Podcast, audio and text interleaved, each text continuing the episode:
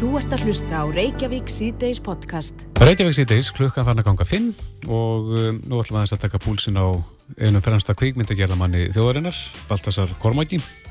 Uh, Sælbaldi. Það er blæsaður, blæsaður. Uh, hvernig gengur á ykkar miðum uh, þessa dagana? Það er nú bara búið að ganga ansi vel. Það er hérna, uh, við vorum að skjóta uh, seríu sem heitir Katla og við erum búin að gera það síðan í, síðan í februar með stuttur liði og erum núna að byrja á tökum á, á næstu seríu á Ófærð og ímislegt annað í, í pípunum. Hefur þessi breyting á, á tvekkjametarreglunni og, og þessum sóttvarnar aðgerðum áhrif á ykkar starf? Að nú megiði snertast eins og, eins og kemur fram? Já, já, við höfum nú alveg um okkur í, kringum það sko og, og hérna, og, en, en ég hef nú kannski bara meira áhyggjur af, af, af, sko, að smiti að það kemur inn hjá okkur sko. Það er, við, það er ekki svo mikið mál að við höfum, sko, eins og gerðist í kvöldu þá, þá, þá smitust þeir eitthvað Mm -hmm. og uh, en þeir smittist utanfrá og við náðum, en það var ekkert smitt inni og við náðum að stoppa það með okkar, með okkar vörnum. Áður en að þeir komast inn í hópin? Nei, þeir komast inn í hópin en, en við gripum það þegar að hitin fór að rýsa Mm -hmm. Og út af hvernig við unnum og allum reglugjarðar sem vorum að vinna eftir á þessum tíma uh, sem við höfum eiginlega komið upp með þetta kerfi sjálf og vorum fyrst í heiminu fyrir þess að byrja aftur og þá, þá ég hafi komið með eitthvað svona litakerfi að skipta stúdjónir í svæði og, og vinna með alla þessar softvarnar reglur sem vera gangi Mm -hmm. og þannig að það smituðist tveir einstaklingar sem ekki smituðist ekki hvora öðrum komum með smit inn í en við náðum að grípa það uh, áður að var áður að gerðist eitthvað og það var sett einhverju aðlega í sótkví en enginn aðeins smitaði sem var svona, svona góð tíðandi fyrir okkur að því leiti að, að við vorum að grípa þetta inni og þetta var ekki að smitast inn í hóknum þannig að það sem við vorum að gera virtist fyrir að virka Já, já. Og hafið þið haldið þessu kerfi síðan? Já, það losnaði nú aðeins um það uh, svona þegar á leið og, og, og, og það var eiginlega farið úr íslensku samfélagi. Þá slökuðum við aðeins á undir, undir lokina, á þess að slaka alveg á, við vorum alltaf með mann á staðnum til að taka hita og tjekka á öllu. En, en núna í svona þessar setni bylgu, eða annari bylgu, það er ekki hvað það vera margar, þá svona, þá erum við búin að herða og vorum byrjuð að herða reglunar áður en kláruðum hitt kvöldu og erum að núna um, fara aftur með strángari aðgerðir í gang Já. uh, út af þessu ástandi. Þannig að það er alveg, við getum ekki látið þess að þetta sé ekki og unni bara áfram. En mér finnst það sem að kannski áhugaverðast að við þetta er að ég fór að hugsa þetta út frá þessu að kannski geta fyrirtækin orðið sko hluti af sóttvörnunum í samfélaginu með því að vera með þessa vartin og grípa þetta, annars myndi annars ganga frjálst. Já. E- Eru þið að, að gera eitthvað meira heldur en að, að eins og segir, að, að hitamæla? Þið hitamæliði starfsmenn daglega? Já, við erum með andlisgrímur og, og við, ég, hérna, innar á þeirra, á þeirra, hún kann ekki segja þetta allan titil. Hún, hún, hún, Þórdís, hún kom til okkur og hún vildi meina að þetta væri, við varum með óvenju mikið, eh, mjög mikið viðbúna. Hún hef ekki séð til öðrum fyrirtækjum svona mikið eins og var hjá okkur. Já, já. Og það getur verið að því við erum að vinna með Netflix sem er stórfyrirtæki uh, erlendis og er með mikla hvaðir á hver- hvernig, hérna, hvernig svona er gert sko. og, og, og við þurftum að samfara þá um þetta og þurftum að gera það mjög vel. En, og, og kannski var það til þess að, þess að við gripum þetta inn. En ég, ég gæti er áhugavert ef að, ef að stærri fyrirtæki og vinnustæður væri að hjálpa samfélaginu með að grípa þetta og senda fólki skimun sem að eitthvað grunnur leikur á. Því að þessir einstaklega sem í okkur tilfelli, þeir fundi ekki neitt. Nei. Þeir voru algjörlega ómeðutar um að þau væri með þetta. Var það bara hitin, hækkaður hiti sem að svona... Já, hækkaður hiti sem þau fundi ekki fyrir hækkuninni. Nei. Við vorum veisum að ef eitthvað færi eh, sko, yfir fimm komur, þess að yfir elna líka sitta, þá, þá myndum við senda við komandi skimun. Við sendum nokkra í skimun sem voru ekki með þetta, þannig að er þannig að, að tíðarhingurinn hefur þessu áhrif á, kon, á hiti hækkar og, og lækkar meira hjá konum en kallunum. Og, og þannig að það voru, en, en til þess að hafa varan á, þá gerðu við það og sem betur fyrir voru ekki fleiri með þetta. En, en þeir sem hafðu verið í, í, í, í, samskiptum við þess aðeila sem voru að vinni, þeir hafðu ekki smittast að því samskiptin hafðu verið á þessum fósundum. Já. Ykkur verist hafa gengið vel í þessu og bara að, að takast að vera að taka upp kölla á þessum já, skrýtnum tímum. Hefur þú tekið eftir já, aukinni, auknum áhuga hjá erlendum aðlum að koma hingað og vinna verkefni þessum tóa? Já, ég hafa mjög mikið kjátt þetta fór náttúrulega í heimsfrettinnar og var mikið, mikið uh, svona, úr þessu að við varum að fara að staða og hvernig varum að gera þetta og það var við og eitthvað í söðurkóru sem varum að byrja og það var mjög mikið í kjálfæri bæðið, mikið áhuga á fjölmjölum og svo, og svo var líka uh, mikið aðlum að spörjast fyrir um, um að koma hinga uh, þannig þetta var til þess að bransin á Íslandi hann, hann hefur, það var aldrei það var brjála að gera núna. Það er, það er alltaf hægt að fá krjú, við erum eiginlega vandraði með fólk eða eitthvað er. Þannig að, þannig að það er engin skortur á, á verkefnum. En, en það hefur kannski ekki sko ég er að koma með stort verkefni bráðum hérna í oktober inn í landið. Hvaða verkefni það? Hérna. Já, ég get ekki sagt þess að þú þekkir það það, það þeir var að þeir aðeins sem greiða fyrir það verða að fá tilkynna það. Mm -hmm. en hérna en, en uh, þannig að ég er að fara að gera það hérna og, og, og, og það er svona sennilega stæstaverkefni sem er að koma hérna síðan COVID byrjaði. En, en það er einhver svona minni verkefni sem að hafa verið að komast í gang. En það er, það er ekki bara tengt Íslandi það er veist, það eru ferðartakmarkanir við það og það eru mennir svona og núna er þetta opnast hér og það þannig við erum ekki eina landi sem getur gert þetta. En ég mun, og ég nú ég veit tala um daginn og eitthvað stóra miðl og þá er ég að segja sko, ég trúi því að svona löndir frá Ísland sem að hafa tíkist að vel á við þetta og ábyrg þau munu sko að því að sko, sko þeirra hagur mun vængast í, í, í, í þessu kvimleikjörn vegna þess að þetta eru, þetta eru um þessu uh, fag sem að getur ferðast og það er að taka út um allan heim. Og bandaríkinn hafa raun og veru einna vest tekist, tekist á við þetta. Og það verður náttúrulega ofta þetta kási á þeim. Þannig að og það er mest af peningunni sem er í kvikmyndaframleyslu og þeir eru náttúrulega að leita út og um leið og þeir finna sér stað og geta unnið annar staðar þá byrja það að koma aftur. Það er, það er svolítið svona Þannig að það þarf að grípa gæsina hérna núna? Já, ég verði með þess að þá, það er svona, það venur þá að hér sé gott að vinna og að gera hluti sem það kannski er ekki alveg klára á. Nú er þessu stúdíói sem ég er búin að reysa, þetta er með stærsti stúdíói í Evrópu. Mm -hmm. Þeir þurfa að sjá þetta og pröfa þetta og þetta gerir ekkert að sjálfu sér að menn fara að hlaupa með einhverja reysa framlegslur. Menn hafa verið að taka fjöll og fyrnindi hérna en þeir hafa kannski ekki verið að framlega það er bara, það er bara, það kemur sér ekki fleiri fyrir, þannig að þetta er bara uh, búið að vera núna, ég, þetta árið er búið að vera svakalegt og verður alveg fram á næsta ár. Stendur til að stækka? Það væri mjög ákjásanlegt og, og hérna ef, ef, ef það er mögulegt og, og Guðvinnessir allt er bara núna á fullir í ferð, það eru listamenn að koma öllum áttum og það byrja að byggja aðna og, og íbúðahúsnaði fer í gangum í fljóðlega og þetta er, þetta er rosalega spennandi tíma framöndan í Guðvinnessinu. Ég Ég hef hérna spáið því að það verður heitast að sæðu eftir fimm ár. Já, en þetta gengur vel og, og, og nú er bara að, að, hérna, að hamra játnið. Já, það er bara, veist, og líka farist ekki, sko, far ekki móða gott, því að þetta getur alltaf komið í bakið á okkur. Við erum, veist, ég var mjög arum með að vera með það tilkynningar í byrjun, við töluðum ekki um þetta fyrir nættu mánuði í gangi eitthvað, því að ég var svo rættur um að vera fýblið sem var að rópa hvað það gengi vel og svo var allt, allt í þjátt en, en þannig að menn verða að fara að velja. Þetta er vissulega mjög erfið tími núna sem er framöndan En geta stjórnvöld eitthvað gert svona í lókiðin Baltasar til þess að, Já, að hjálpa til? Ég, við hefum nú verið að tala við stjórnvöld og, og það er til dæmis að, að, sko, með þessu endugreifstu að þau geta ringa til í henni þá held ég að við hefum alveg rosalega um, stóra og góð tækifæri framöndan mm -hmm bransin er að miklu leiti fluttu til dæmis frá LA til London. En það er ekkit það er ekki sko úr vegi að þeir stoppi við hérna í leiðinni. Og hérna það er að það byggja hann yfirna mikið meira upp en mann gerir sig greið fyrir. Það er líka verið að tala um það að fjölga ekkjónum í korfunni þar sem við erum með sjáarútveg og, og álið og, og hérna ferðarþjónustuna en, en kvikmyndagerfin, hún geti verið kannski næst í þinnaður Já, meina, hérna, þetta er stærsti útlunnsina bandaríkjana og þannig að ég held að þetta sé stærsti, það hefði mest að tekja útlunningi á kvimlu. Þannig að, þannig að það er svo sannarlega, ég meina það far ekki marga kvimlu til þess að tjóða fjallagin hérna sko, það er starra gráð sem er að búið til úti. Nei. En, en, en, en auðvitað, þú veist, uh, eitt skref í einu, en ég meil meina að það hér gæti orðið mjög blómlegur innar uh, í framtíðinni ef að menn haldur rétt á spöðunum. Þetta er virkilega spennandi en Baltasar Kormokur Kæra þakki fyrir þetta. Já, bara mínu ánægðin. Ég var að fá hérna uh, skilabóð.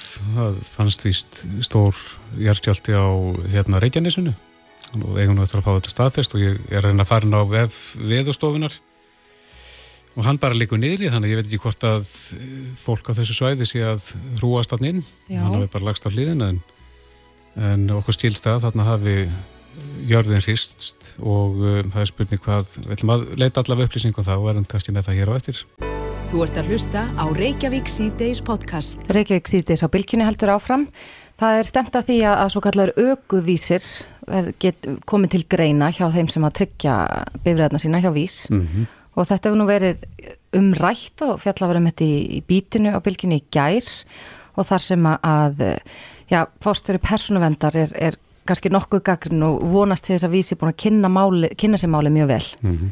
Já það er að segja persónuvendar hlýðin á þessu Akkurat. allir saman eh, Helgi Bjarnason, fórstöru Vís er komið til okkar, velkomin Já, takk fyrir það. Já, þú hefur heyrt af gaggrinni að þarna sé verið að segla svolítið langt inn í fríðhelgi eh, fólks.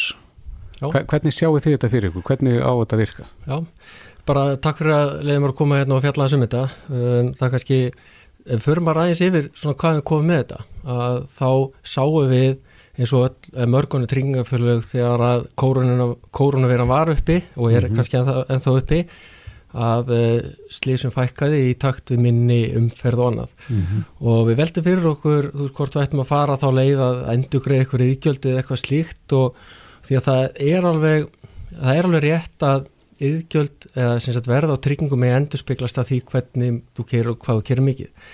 En það sem við vildum gera var að horfa til lengri tíma og, og, og, og horfa svona þannig að við séum ekki með eitthvað einskiptis aðgerð heldur svona hvernig munið þetta er, er þetta besta virki fyrir viðskiptavinnin e, til framtíðar? Og þá fórum við á stað með þessa hugmynd og erum að svona keira hana í gang og við erum bara algjörum uppafsmetur með þetta að tengja verð á tryggingum við axturslag hversu mikið þú keirir þannig að svona verðlagningin á vörni verði bæði gagnsærri og e, í svona höndum viðskiptafina að hafa meira svona stjórn á því e, hvernig því gældið er. En þegar þú talar um axturslag, hva, hvað með hverju þá fylst? Sko við erum ekki að fylgjast með og það er mjög mikilvægt að það komi skýrt fram við erum ekki í ykkur eftirliti, við erum ekki að fylgjast með en uh, það er svona auku vísir í bílnum sem að er grunnurinn að því að þú farið ákveðin engun fyrir axturslægið eitt í mánuðinum mm. Hraða og Já, þú veist, þetta er, þetta er við alltaf vinna í núna mm -hmm. og, og, og er partur af því hvernig endali var að verður mm -hmm. en endali var er ekki hérna, komin fram fyrir bara undir áramótin mm -hmm. en þessir þættir sem að eru bara það er með, við, meðvitund um að skipti máli hvort sem það er axturslægið hérna hraði, beigur, síman og annað, þetta eru við að sjá hvernig við getum sett inn í svona mm -hmm. og gefur þér þá einhvern fyrir axturinn í mánuðinum sem hefur þá beint áhrif á yðgjaldi og þannig er það ekki sko ef þú kyrir lítið þá er það gott en þá ekki vera vegna þess að það var COVID þann mánuðin eða vegna, það getur líka vegna að þú ákvæmst að fara hjóla í vinnuna þann mánuðin eða nota strætó eða mm -hmm. í Erlendis.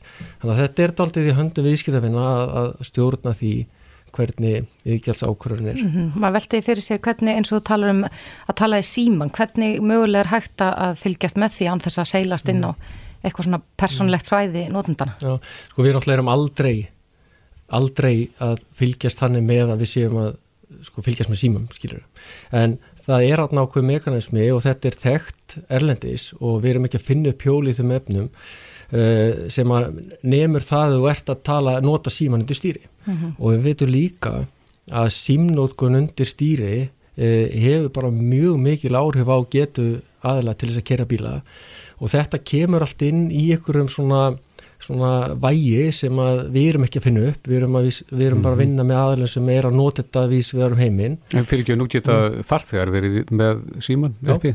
Og það er eitt sem að þarf að, að huga því að uh, það á ekki að skipta máli þó að farþegin sé í síma mm -hmm. heldur er þetta aukumæðurinn og þetta er það sem við erum að vinna að því hvernig þessi var að verður og, og þess vegna er svo mikilvægt og þess vegna finnst mér það að vera svo gott í þessi verkefni sem við hjá vísir um að starta núna við viljum búa til þess að vöru sem við höfum algjör að trúa að það geti skipt máli fyrir okkur sem samfélag. Vegna þess að markmiðið er í raunin að fækka slísum og gera okkur að betur aukumannum að við erum að fá viðskiptafinni að borðinu strax í upphafi þessa ferils.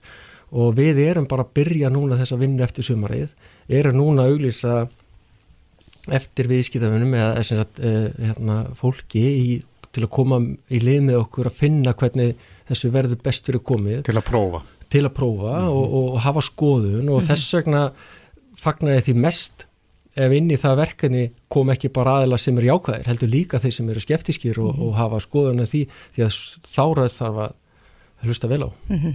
Hafið þið íhugað að vera í ykkur samstarfi við til dæmis eh, persónuvend eh, upp á það að tryggja að það sé fara rétt að öllu? Sko við þekkjum mjög vel öll lögum persónuvend og við náttúrulega erum með gögn hjá okkur og, og þetta er bara hjartaði okkar starfsemi að fara vel með gögn. Og við munum leita eftir samráði við persónvend og vinna með þeim uh mhm. -huh. en eins og uh, fórstur persónvendur hefur sagt að þá er það ekki þeirra samþykja við byrjum ábyrðað til síðan lægi og við þekkjum þetta mjög vel uh mhm. -huh. og, og, en, en það er mjög mikilvægt að þau séu meðvituðum hvað er í gangi og, og skilji þetta -huh. Mhm. og það held ég bara að gera allt betra. En eh, verður þessi gögn notuð ef að það verða slís? Komið til með að kannakvort að við komum til að vara í símanum eða vara að keira úr hratt eða Nei. tók og kraffa beig Þetta er góð spurning og, og bara gott á nefnir þetta því að það er alls ekki það sem við erum að vinna að. Um, við notum þessi gögg til að gefa einhvern um, einstakar gögg uh, eru hins vegar einn viðskiptafina þannig að ef að til dæmis uh, fóraldri getur verið að barni sitt um það hvernig var að keira þá geta þeir haft er tekið svona málefnilega umræðum það hvernig, hvernig hérna, hlutinir eru -huh. Mhm. og ég sé fyrir sjálfa mig ég hérna á stelpuð sem að fekk bílbúru fyrir einhverju síðan og við erum sammálaðum að, að setja í bílinn svona, svona, svona tæki sem nefnir það hvernig hún er að keira á bremsu og annað og ég er bara algjörlega sannfarð um það að með því að eiga sér samtölu við hennar um það hvernig hún er að keira ekki hvað hún var, heldur bara hvernig hún er að keira e, það gerði hana að betri ökumanni. Serð þú hvernig hún er að keira? Það er að segja, færð þú upplýsingunum það hvernig, á hvað hraðun var eða? Þegar að sko viðskiptafinnurinn á þessu gögn mm -hmm. og viðskiptafinnurinn getur lesið úr því. Mm -hmm. En við erum ekki að lesa úr því og við erum ekki að fylgjast með þessu í slíkum, slíkum dítilum. En gæti lögreglan í einhvern tilvíkum krafist þess að fá slíkum afhengt ef, ef uppkoma Uh, já, einhverju glæpir eða, eða óhöppið annars líkt? Þá er henni gildi bara um það sama og gildir í dag. Þú veist, ef það er einhver sakamál og lauraglan fyrir fram á að fá einhverjar upplýsingar uh, þá gildi bara um það sama og aðrar upplýsingar í dag. Mm -hmm. en, en það er ekki þannig að aðlega geta beðið um að fá þessar upplýsingar uh, af því bara. Það mm -hmm. þarf að vera með sérstakar aðstæður og, og, og aðkoma uh, lauruglu og það þarf að vera eitthvað sakamáli gangi. Verður viðstjöfninu þraungvað til þess að setja þetta í aukvöldækin? Nei, um, við erum að horfa til þess að viðskiptunum hafi val og það sem við erum að gera er að búa til þetta val. Um, við höfum mjög lengi um, fengið svona beðni eða umræði frá viðskiptunum af hverju þessi nálgun er ekki til mm -hmm. og það er grunninn alltaf líki ladrið að viðskiptunum hafi val og, og við teljum eins og við segjum með þessari nálgun uh, teljum við þetta ekki bara vera val til þess að lækka hérna, verða á tringum og heldur eru að gera það gagnsarri en í stóru samhenginu, trúið því að með því að fari svona samstar og samvinnu við viðskiptefinni uh, þá getum við og við ætlum okkur að fækka slísum uh, á Íslandi. Mm. Hvað getur þetta lækkað viðkjöldi mikið? Um, það er partur af því sem við erum að vinna í og mun komið ljós en, en það er alveg... Eitthvað tölur svona? Nei, ég held að það sé svona órálegt eins og er en, en þetta, þetta á að skipta máli og, og þú veist, en í grunninn ég hef þá trú og ég hef þá sín að þeir sem er í þessu eru þarna fyrst og fremst af því að þeir sjá að þeir geti orðið betri aukumenn. Getur þetta hækkað íkjöldin? Þetta hækkar ekki íkjöldin uh, þar að segja Já, menn til eins og bæðinar sko, Það er ákveðið bara hámark á uh, verði aukvöldtækjadringa eins og við erum með þetta í dag og þetta á ekkert að sprengja þann skala Nei, já Þetta er aðteglisvert. Hvernig stefnið á að taka þetta í nótkun? Já, við látum okkur dreymum það að það verði fyrir áramótin og, mm -hmm. og við erum bara full bjart sín á því að þessi, þessi aðfyrrafræði sem við erum að nota að draga viðskiptafinni að borðinu, fólk sem hefur áhuga á að taka þátt í þessu mót þetta með okkur, gera það verkum að það gangi allt saman eftir og ég held að þetta sé bara frábært verkefni sem spennandi verður að kynna betur hérna undir, undir lokás. Já, Helgi Bjarnason, forstjóri Vís, kæra þakki fyrir komuna. Takk fyrir heldur. Hlustaðu hvena sem er á Reykjavík C-Days podcast. Reykjavík C-Days, eh, nú er verið að funda vegna ríkisábyrðar ríkisins á láni til eh, Æslandir. Já, þetta er, já, alltingi mun koma saman á morgun í svona þingstupp mm -hmm. sem ég er ekki alveg klara hvað er en, en ég held að það sé svona stutt sam, samkoma. Já. En formen stjórnarnarstöðflokkana nefndar menn fjárlega nefndar þingsins og fjármálur á þeirra eru að funda núna mm -hmm. fundurinn áttur reyndar að vera búin en við erum með hana Otniu G. Harðardóttur þingflokksforman samfélkingarinnar á línunni og ætlum að þess að heyra hvernig staðan er á fundunum kom til sæl Komið sæl Við rétt náðum út þarna er, er, er verið að takast á? Þetta er nú bara svona upplýsingar um stöðuna mm -hmm. uh, Við erum náttúrulega Við erum hér stjórnarannstæðan að fá bara upplýsingar núna en ríkistjórnin er búin að vera að vinna með málið í, í vikur og, og mánuði mm -hmm. en, en síðan er það við í þinginu sem að þurfum að, að samþykja þessa ríkisábyrg og samþykja þennan görning, görning allan þannig að þessi fundur hér í dag hann kemur náttúrulega ekki í staðin fyrir þinglega meðfenn málsis. Nei, nú er verið að setja ykkur inn í hlutin og hvernig metur stöðuna? það eru þetta þannig að það er verið að hjálpa fljófélagum út um allan heim mm -hmm. og það er ekkert, mér finnst ekki mér finnst uh, skeinsalegt af okkur hér að, að skoða stöðu Æslandir félagið er umfangsmikið í, í hagkerfinu og það er verðmæti í orðsporunu, leiðakerfunum og ekki síst í þekkingu og reynslu starfsmannana mm -hmm en við þurfum líka að meta það frá öllum liðum hver áhættan er að koma með, með ríkisástóð inn í flugfélag sem að er í miklum þrengingum. Mm -hmm. og, og þannig að það er heilmar sem við þurfum að fara yfir, við þurfum að rína ásreikninga félagsins, við þurfum að uh, skoða hverjir eru raunverulegir eigundur þess og og, og meta þessa, þessa stöðu alla hver gæti með þessa ríkis aðstóð samkeppnis hefni félagsins orðið til framtíðar Já. og svo framvegis. En þarna er náttúrulega mikil óviss á ferðinni mm -hmm. en ótvírætt ef að, flug, ef að Æsland er e, nær flugjað nýju, þá væri það sannarlega hagstætt fyrir Íslands samfélag. Mm -hmm. En nú hefur verið bent á það að nágrann, þjóðir í kringum okkur hafa verið að ríkistyrkja flugfjölu en með öðrum hætti. Telur þú að þetta sé besta leiðin eh, svo sem er farin hér? Sko, ég get, get bara ekki svara þessa spurningu núna. Við þurfum að skoða þetta betur og, mm. og vega með þetta eins og ég segi. Við þurfum að fara yfir uh, skilirði þessa, þessa láns þetta er, mm -hmm. þetta er lá, lána lína upp á 16,5 miljard og en alveg ljúst samt að flugfélag sem er eins og þau segja sjálf í hálgiru hýði mm -hmm. um stund þarf þetta aðstóð til þess að fleita sér yfir þennan erfið að hjalla félagið sjálft segir okkur að þessi er búin að gera samninga við lánadrottna og, og, og byrkja mm -hmm.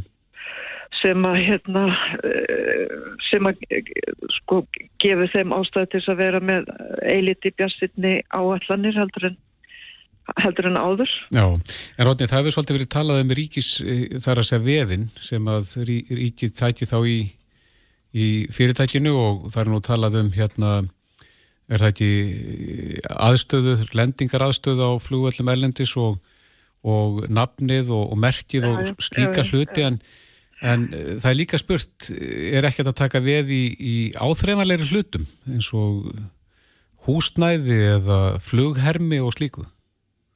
það er, það, það er bara það sem við þurfum að fara yfir. Fjármálar á þeirra reynda sagði svaraði þeirri spurningu neitandi í morgunni það svo sem fylgdi ekkert sögurni af hverju. Já. Já, ég minna það, við þurfum að fá skýrsfjör við þessu og það er svo massa við þurfum að spyrja um inn í nefndar e, í fjárlega nefnd og svo inn í þingsal þegar mm -hmm. kemur til aðgjörslu þessa máls. Hvenar stendur til að afgreða þetta mál? Er það á þessum þingstuppi sem verður núna já, næstu dögum? Já. Og telur að, að tíminn sé nægur til þess að fara yfir svona vega mikið mál? Mér finnst þetta að vera mjög stuttu tími. Já, en það er mikið í húfi og þannig eru uh, fjölmarki starfsmenn sem að eiga sitt undir og, og uh, samgöngur til og frá landin eins og þær eru, það er ekki uh, hérna, það er ekki að vísan að róa þar?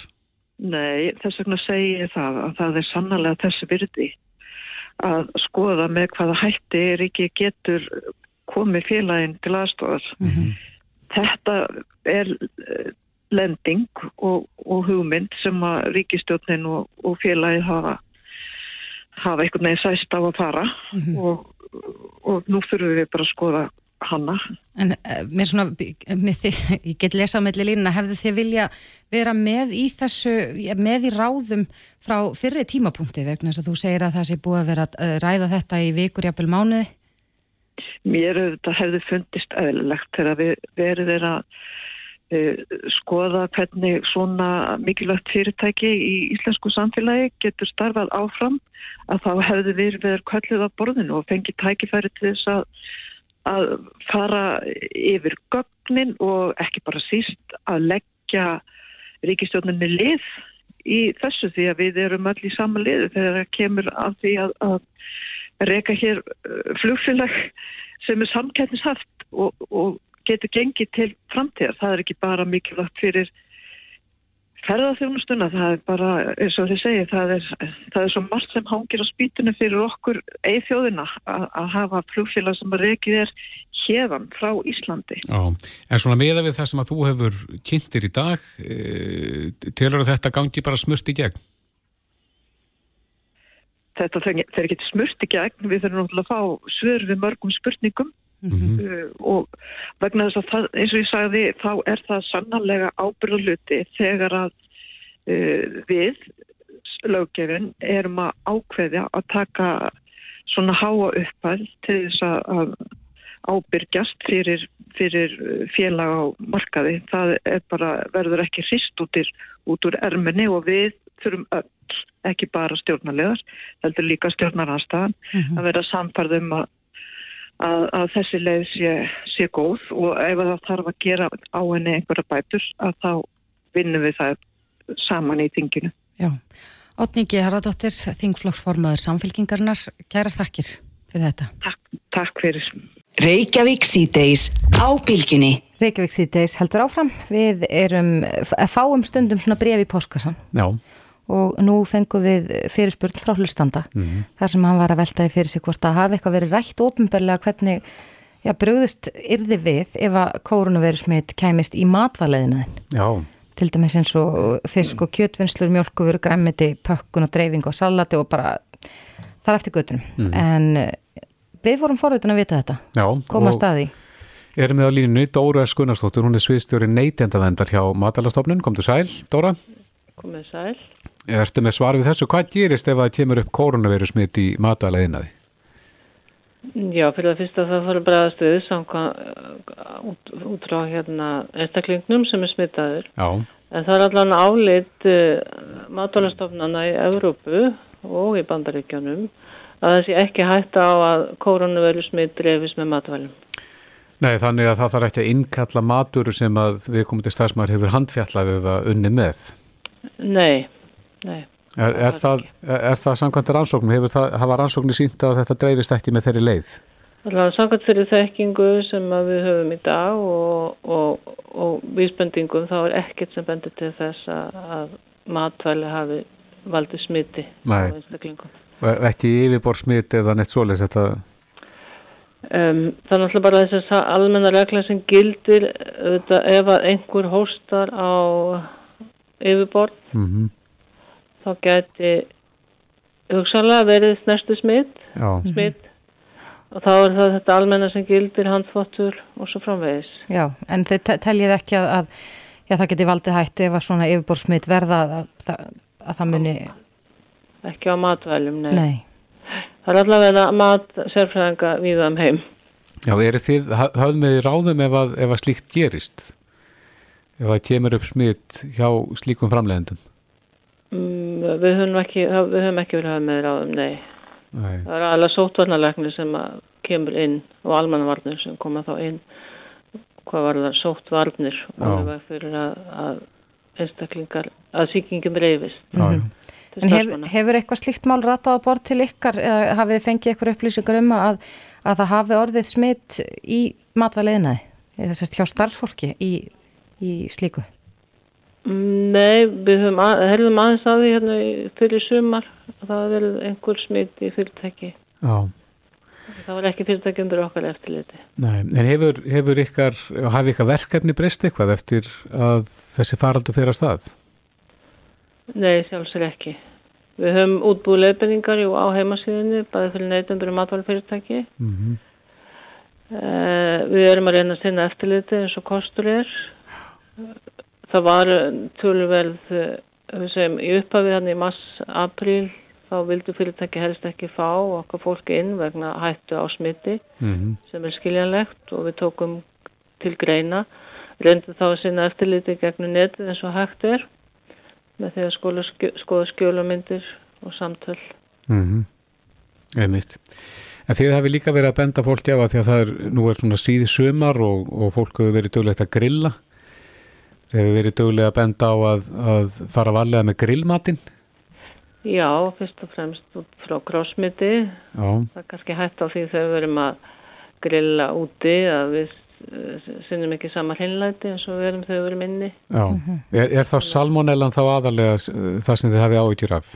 Já, salmonella, það getur verið kamfélubakter eða við verum að tala um kjóklinga. Mhm. Mm Og svo eh, eru vísbendingar um að það sé síkatóksimindandi E. coli-bakteríja, hún getur verið í kjöti, bæði lambakjöti og nautakjöti.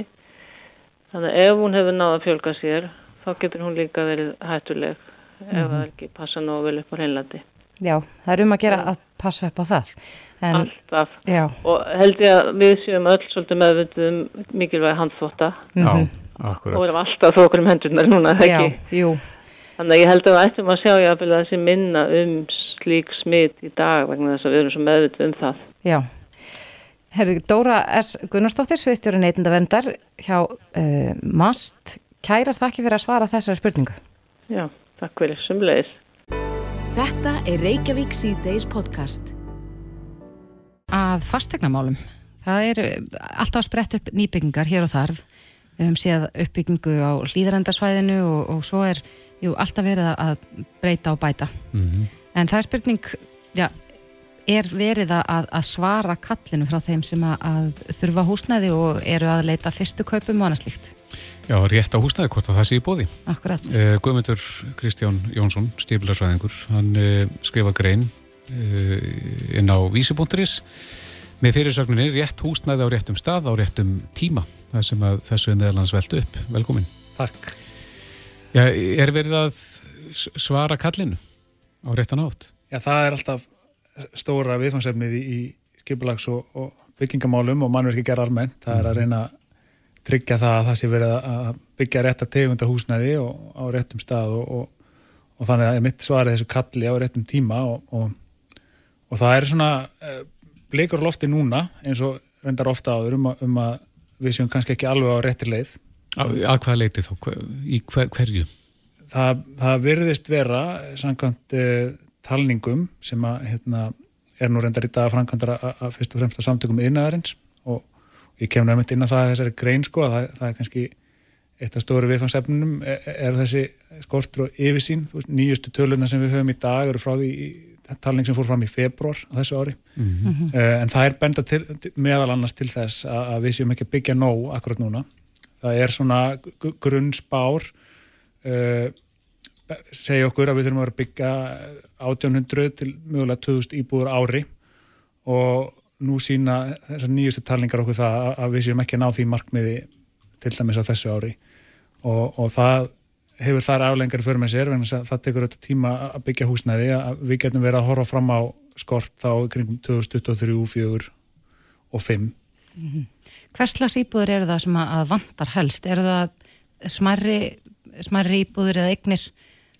Já, það er það, það virðist vera mest köllun eftir því sem að svona í daglegu tali er, er kallað minni og hákvæmar íbúður mm -hmm. og og fyrstu kaupendur eru oft nefndir í, í því samengi og, og hérna, stjórnvöld eh, meðal annars sem luti að viðbröðum við kórunu veru faraldunum þeir, þeir eru að hrinda eh, af stokkunum svo kallum hlutirtalánum. Það á að vera meðal annars viðbrað við þessum skorti á minni íbúðum og það er á að styrkja fyrstu kaupendur eh, til kaupa á íbúðum í nýbyggingum. Þannig að það er svona bendi til þess að, að hérna greiningar eh, sé að segja þessum aðalum að, að hérna, það sé mestur skortur og þeir eru tegund af íbúðum. Eh, en þetta er kannski ekki endilega þetta er ekki, ekki alveg svona einfalt. Þetta er, þetta er líka spurningum hvaða tegund af íbúðum við erum að byggja á hverjum stað. Eh, manni svona sínistundum eins og það sé verið að byggja eh, eh, talsast af minni íbúðum en þá er það gerðan á dýrari svæðum þannig að verðið á þeim er kannski í herri kantinum og það hendar þá alla jafna ekki fyrstu kaupendum. Er það þá fólk sem er kannski að minka við sig? Börnir farin að heimann og... Já, það er, það er kannski, þetta er kannski svona fram til þess að hafa þetta verið kannski þrýr hópar sem er að berjast um þessa minni íbúðir. Það eru þeir sem er að leitast eftir húsnæði til túristalegu mm -hmm. og við sjáum þetta verulega tökk í þeim bransa í dag en svo er þetta fyrstu kaupendur og svo er þetta já þeir sem er að minka við sig.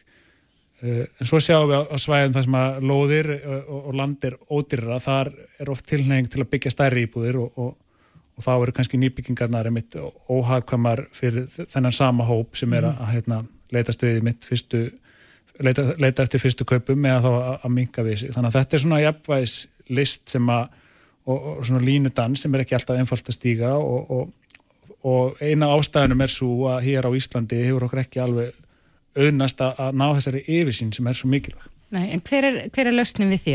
Hvað er til ráða til þess að við fáum þessa yfirsýn og, og til þess að við séum að byggja rétt á réttum stað og réttum tíma? Já, ég held að, að, að veist, það eru auðvitað margar leiðir að, að þessari lausn og það er engin, engin galdra lausn og, og, hérna, og auðvitað er þetta samstarf margar mismöndi aðila. Þessi, þessi grein, mannvirkja hérna, innar á Íslandi sem að telur eitthvað um 14.000 starfsmenn, hann, hann, hún heyrir til dæmis undir fjögur ráðuniti eins og staðinir í dag og mhm. fjölmarka stofnanir og svo eru úrskurðanemdir og, og svo eru náttúrulega öll sveitafélögin þannig að þetta er ekki einfalt mál en, en hlutalösninni og eitthvað sem ég hef meðalans talað fyrir og, og er að tala um þessari grein, það er að bæta svolítið vel í stafrana þróun á þessu sviði og nýta okkur tæknina betur til að hef, ná utanum allar þessar upplýsingar því er líka allar fyrir en það eru við og dreif og það eru meðalans innan hérna, hins ofinbera og það er inn í bankakerfinu og það er hjá uh, hagstofunni og það er inn í skiplagsfulltrúum og byggingafulltrúum og svo framvegis og svo framvegis og, og verkefni er svolítið að, að hérna, þróa lausnir til að ná utanum þessi gögn og, og, og koma þeim þannig á framfæri að við fáum þessar uppsingar og við fáum þar í rauntíma. Mm -hmm. Hverra er það að sjá til þess að rétt á húsnæði sé byggt? Er, er það bara í sjálfsvald sett þar að segja byggingaræðilana eða Já, það er, það er kannski ekki alveg einfalt að svara þeirri spurningu en eh, sveitar félögin þeir auðvitað skipilegja e, sína byggðir og þá hvað er byggt á hverjum stað og, og hvað tegunda húsnæði og, og það er, er skilin svona svo kvöldum húsnæðis áallunum og það er fara þá til skoðun hjá meðalans húsnæðist og mannverkjastofnun. Mm. Geta sveitafélagin bara sagt að við viljum fá uh, litlar ódýrar íbúður fyrir fyrstu kaupendur á þessu svæði? Já, það, þau geta þannig haft verulega mikið um það að segja hvað, til dæmis bara hvað loður kosta, mm -hmm. hvað hefur verið að rukka af til dæmis innveðagjöldum og, og þar fram því göttunum og en auðvitað er það alltaf endansvægt markaðurinn sem að stýrir í hvað, hvað hlutinir kosta og það -hmm. er ekkit öðruvísi á húsnæðismarkaðunum nema náttúrulega þegar um er að ræða einhver yngripp frá henni ofinbæra og, og það er til dæmis eitt af markmiðunum með þessum svo kvöldu hluteldalánum, það er að reyna að stemma svolítið stig við því að, að hérna að ný, nýtt húsnæði og það, það sé þá bara að forra hérna, efna meiri að komast yfir það og það leipa þá fleirum einhvern veginn að, að borðinu mm -hmm. en, en já, það stuttasvarið er þetta að það eru sveitaflögin sem skipleikja og, og, og útluta lóðum, þannig að þeirra ábyrðið mikil í þessum efnum mm -hmm. En aftur þessari yfirsýn sem þú, þú talaður um, eru, eru til dæmi þess kannski frá ná, nákvæmlega löndum eða öðru löndum þar sem að það er verið að nýta eitthvað tæknilöstnir til þess að hafa þessi yfirsýn?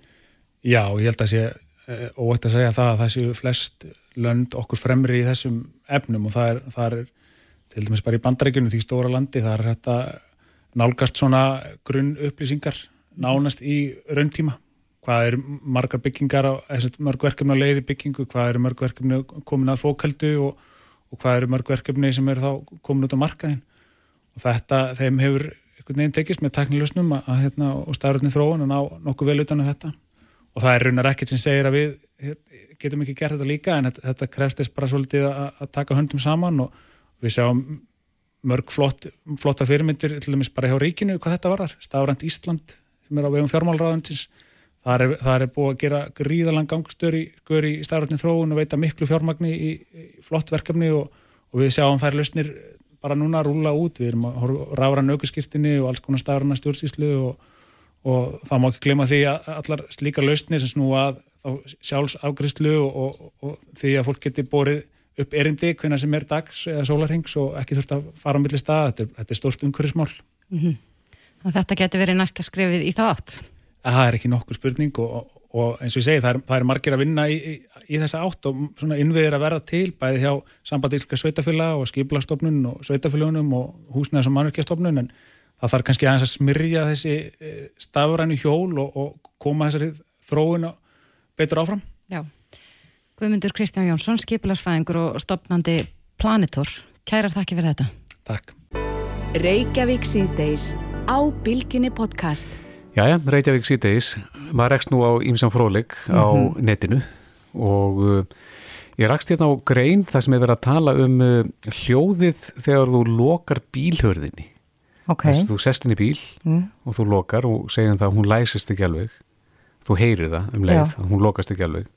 Svo þú opnar aftur og svo stjallir þú og þá heyrir þú, Já, þú, þú þetta Klikki. er svona ákveði hljóð sem að kemur eitthvað svona þjætti hljóð mm -hmm. og, en þetta hljóð er búið til þar er að þetta er hannað Jáhá það er engin tilvílun að heyri þetta hljóð og Nei. þetta hljóð ávist að veit okkur þessa öryggstilvinningu að við sem komin hann inn í eitthvað hilki, búin að loka á okkur þar hefur að vera örygg Já, þetta er svona ákveðan hugun þá fyrir fólk Já, gæti verið, en eh, Sigurður Svavar Indriðarsson, sviðstjóri bílgrinnarsviðs hjá Íðunni fræslusetri og eh, ert ekki bílaverkfræðingu, sæl? Jú, mikið rétt, komið sæl Þú kíktir aðeins á þessa grein fyrir okkur. Hvað, af hverju eru menna að búa til svona hljóð? Já, ég kíkti aðeins á þetta og, og það er svo sem uh, með þetta hljóð eins og mörg önnur hljóðkort sem að tengi stílu með ekki að þá svona vekja þau ákveðin, svona, ákveðina tilfinningar mm -hmm. og, og þau hórum bara kannski á hérna, þetta til þennan hljóð þegar þú lokar bílhurð mm -hmm. og þá er náttúrulega hérna, hönnuður búin að finna það út að að fyrsta snerting við skiptavinnar á bílnum er náttúrulega í gegnum bílhörðuna þannig að þetta er einn fyrsta hljóði sem að viðskiptavinnur eða mögulega viðskiptavinnur heyrir mm -hmm. þegar hann lokar hörðunni og út frá því er náttúrulega lagt ífurlega mikil vinna í að, að gera þetta hljóð svona eins og segir mjög þjætt og, og, og svona gefur ákveðna tilfinningum að, að þessi bíl sé mjög örugur og, og þjættur mm -hmm. Er þetta hljóð eins í öllum bílum eða er, er eitt ef við kaupum Hyundai og annað ef við kaupum Volvo? Já, það yfirlegt er náttúrulega, hver framlegandi er náttúrulega með svona sitt heimi af verkfræðingum, hljóðhönnum og, og hérna öðrum mhm. -huh. og, og þeir svona yfirlegt eina að hafa til þess að Mercedes, þeir reyna að hafa svona sér hljóð, þar að segja þeir svona uh, hafa svona ákveðið þema en en vissulega hafa kannski ekki sama hljóði fyrir svona jeppa á móti sportbíl mm -hmm. þó það eigi að vera eitthvað svona undir tótt sem að gefa til kynna að þetta sé vissulega Mercedes mm -hmm. þannig að hérna þetta er og það kannski var svona aðalega vegna þess að það er náttúrulega búið að vera mikil þróun í bæði það, efni sem að nota er í bílana það sé búið að styrkja, það kom styrkingar inn í hyrðanar uh, og það er verið að nota ál og hástyrst ál og, og alls konar efni sem að kannski var ekki notað hérna fyrir nokkrum árum. Þannig að í raun og veru hefur hljóðið, það er að segja ef ekkert er gert þá hefur hljóðið breyst. En til þess að myndi vekja þessa svona örgistilfingu eða svona kannski tengja við hljóð sem að er vanur að heyra að þá er notuð þessi hljóðverkfræði eða þetta hljóð er hannað á þann hátt að, að, að vekja þessa tilfinningu. Já, þannig að það er hér af mönnum sem eru að reyna að ná fram rétta hljóðinu sem að hefur réttu hughrifin. Já, og það er náttúrulega, segi, það er náttúrulega bara fyrir til framlegendur svona hvað, hvernig þeir setja þetta upp, en, en vissulega eins og með svona dýrari bíla og þá náttúrulega átt að vera svona mjög þjætt og hljóðlott mm -hmm. og, og eins og það segir sko að ef að, ef að hurðin lokast ekki alveg þá veistu á því sko. Já. Og hérna, og sérstaklega þá þeim, þeim framlendum er lagt uh, til til að mikið í, í þetta þó að, og eins og sem allt annað inn í bílnum hljóðtakka og stefnuljósi eða hvað sem það er að, að það er allt svona frekar út pælt. Já, Annars sem þetta er í hug svona hljóð sem að ég held að þessi tilbúið, það er stefnuljósið. Akkurat. Er, er það búið til? Uh, það uh, er náttúrulega bara eins og með allt annað. Það er pælt hvernig það hljómar. Uh, það náttúrulega fer eftir því hvaða hvað sem er, tæki eða hva, hvaða hljóðið á koma, hvernig þá að berast. Mm -hmm. Stefnuljósið er náttúrulega svona ákveðu viðurunar hljóð þar sem það hefur gefið til kynna að þú sért með ljós og gefið til kynna að þú setja beigja þannig að það ána líka vera kunnulegt Já, og er svona mjög keimlíkt í öllum bílum. Já, já, þetta á svona að vera þannig að þú, þú gleymir því að vera með hérna, stefnum og sjá þetta þá, þá heyrur það fljótlega. Og maður hefur svo sem heilt það frá framlegendum eða, eða fólki sem hefur keitt bíla sem er með kannski svona öðruvísi hljóð að það tekur strax eftir því mm -hmm. en það er mikið lagt upp úr raun þessari hljóðhönnun í öllu tengt hvort það sem er þess að segja, hvort það sé hérna hljóðvélarinnar sem hann alltaf kannski er aðalega að hugsa út í Já. svona, svona fyrst að segja, eða svona maður myndi hugsa það sko Það er hljóð nummer eitt Já, en, en í raun að veru eins og ég sagði á hann að, að hljóð nummer eitt sem að viðskiptaverin heyrir það, það er náttúrulega er þegar þú opnar og lokar hurðinni. Já, akkurat. Þú sest inn í fyrsta skipt og lokar á eftir þér. Já, akkurat. Já, það er svona, og, og það er náttúrulega er, þessi hughrif sem að þú átt að fá að, hérna, að þú sést þarna komin svolítið í, í svona þitt, þitt rými og, og hérna veitið er þessa tilfinningu. Ég veit að það eru margi sem að koma til með að taka sérstaklega eftir þessu hljóði þegar þeir setjast næst inn í bílinn og loka. En Sigurður Svavar Indriðarsson, sviðstjóri bílgrinnarsviðs hjá Íðunni Þræðslusetri og, og bílaverkvæðingur. Kæra þakki fyrir þetta. Bara minnstamáli. Bless, bless. Reykjavík síðdeis á Bilginni podcast. Já, já, nú er farað hallunda sömri, það er alveg ljóst. Já, það eru allir í berjamá. Já, og hérna, það er spurning hvort að það verði fleiri í berjamá núna því að það er, er kannski lítið annað við að vera fyrir marga. Mhm. Mm eftir fólki í útlöndum að nefnur ráði? Nei, ég hef allavega sko eði alltaf miklum tíma á samfélagsmiðlum Já. og hef vorið vörfið rosalega breiðan hópa fólki sem fer í berjum á og mér veist ég ekki hafa kannski endilega orðið vörfið þetta áður Einmitt. fólk er meira kannski að horfa ná, í nærum körð finna sér eitthvað til dundus Já, það er spurning hvernig sprettan er í ár uh, eru að koma upp uh, bústin og myndaleg ber Á línunni er Bjarni Óskarsson, hann er uh, hjá berjabúinu Vellir, einn af stofnendu Nings sem er reyndar önnu saga en sæl Bjarni minn? Já, sæl.